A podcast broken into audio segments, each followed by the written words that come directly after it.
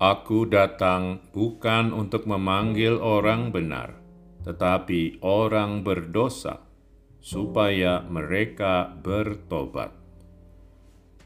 Teman-teman yang disayangi Tuhan, itu tadi pernyataan salah satu misi Yesus.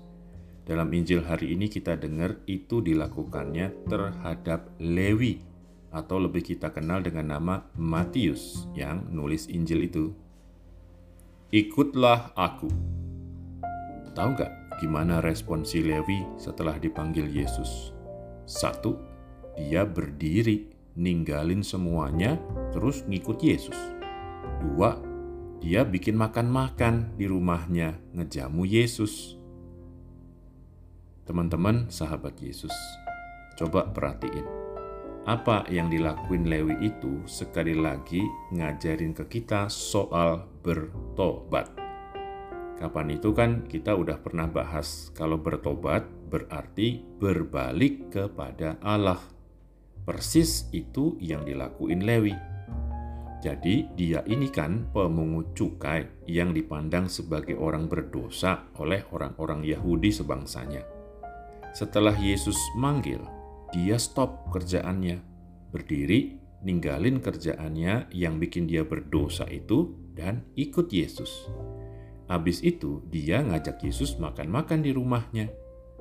Perhatiin deh, semua itu menggambarkan proses pertobatan Orang yang tadinya asik dengan dirinya, dengan apa pun yang dikerjain yang bikin dosa, berhenti, stop ngelakuin itu. Lalu dia ngubah arah pandangannya, arah perjalanannya. Dia ninggalin hal-hal itu dan sekarang ikut Yesus. Bahkan juga nyediain tempat buat Yesus. Seperti kemarin kita bahas waktu ngomong soal puasa. Maka sekarang makin jelas kan kalau dibilang puasa yang kita lakuin itu merupakan ungkapan tobat. Manterman kekasih Allah. Saya ulangi lagi ya, biar makin jelas. Bertobat dimulai dengan menyangkal diri, menyangkal segala kepengenan kita yang gak sesuai kehendak Tuhan, berusaha menyelaraskannya dengan kehendak Tuhan dan ini bukan soal makan doang ya guys. Ingat loh, nyangkal diri nih juga berarti kita nggak mikir diri sendiri, tapi mikir Tuhan. Nggak ngejar kepengenan sendiri aja, tapi ngusahain kehendak Tuhan. Nggak muasin diri sendiri, tapi nyenengin Tuhan. Berarti juga kita nyediain tempat, nyediain hati kita buat Tuhan Kayak Lewi nyediain rumahnya buat makan-makan bareng Yesus. Tentang itu guys, sadar nggak? Ada hal menarik menurut saya. Meskipun lagi makan-makan, sebenarnya si Lewi itu lagi puasa loh. Ngerti nggak? Dia kan menyangkal yang sebelumnya nyenengin dia, meninggalkan yang bikin dia berdosa untuk bisa bareng-bareng Yesus.